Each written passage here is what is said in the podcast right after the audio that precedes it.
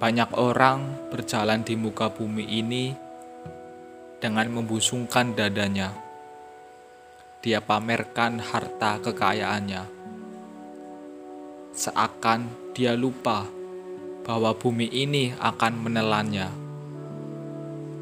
Dia lupa bahwa kesombongan dan keangkuhannya yang akan mengantarkan dia tenggelam ke dalam bumi ini. Dia lupa kisah Korun yang merasa paling kaya, paling hebat, padahal karena sombong dan angkuh, Tuhan menenggelamkannya.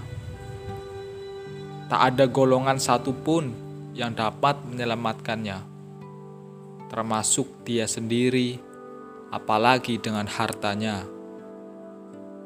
Sudahlah, kita berjalan di muka bumi ini tidak lain adalah untuk menempelkan dahi kita setara dengan kaki kita. Tidak ada yang perlu dibanggakan, apalagi dipertontonkan.